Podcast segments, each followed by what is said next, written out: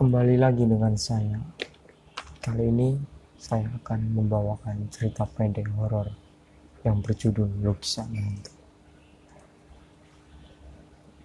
Ada seorang pemburu yang berada di tengah hutan lebat.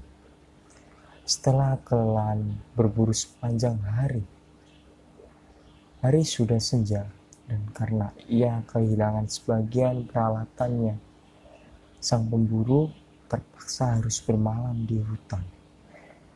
Ia pun mencari tempat yang bisa dijadikannya persinggahan.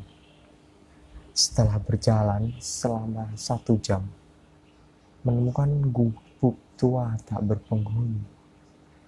Pintu gubuk itu terbuka, sehingga ia dapat masuk dengan mudah. Ada sebuah dipan di dalamnya dia pun segera merebahkan diri di sana.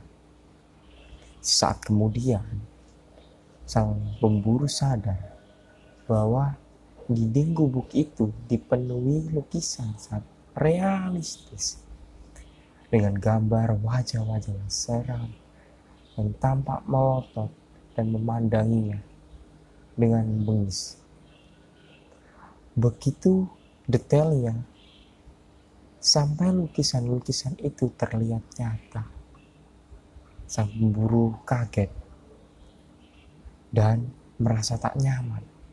Namun, saking letihnya, memilih untuk mengacukannya dan tidur menghadap tembok yang polos tanpa lukisan.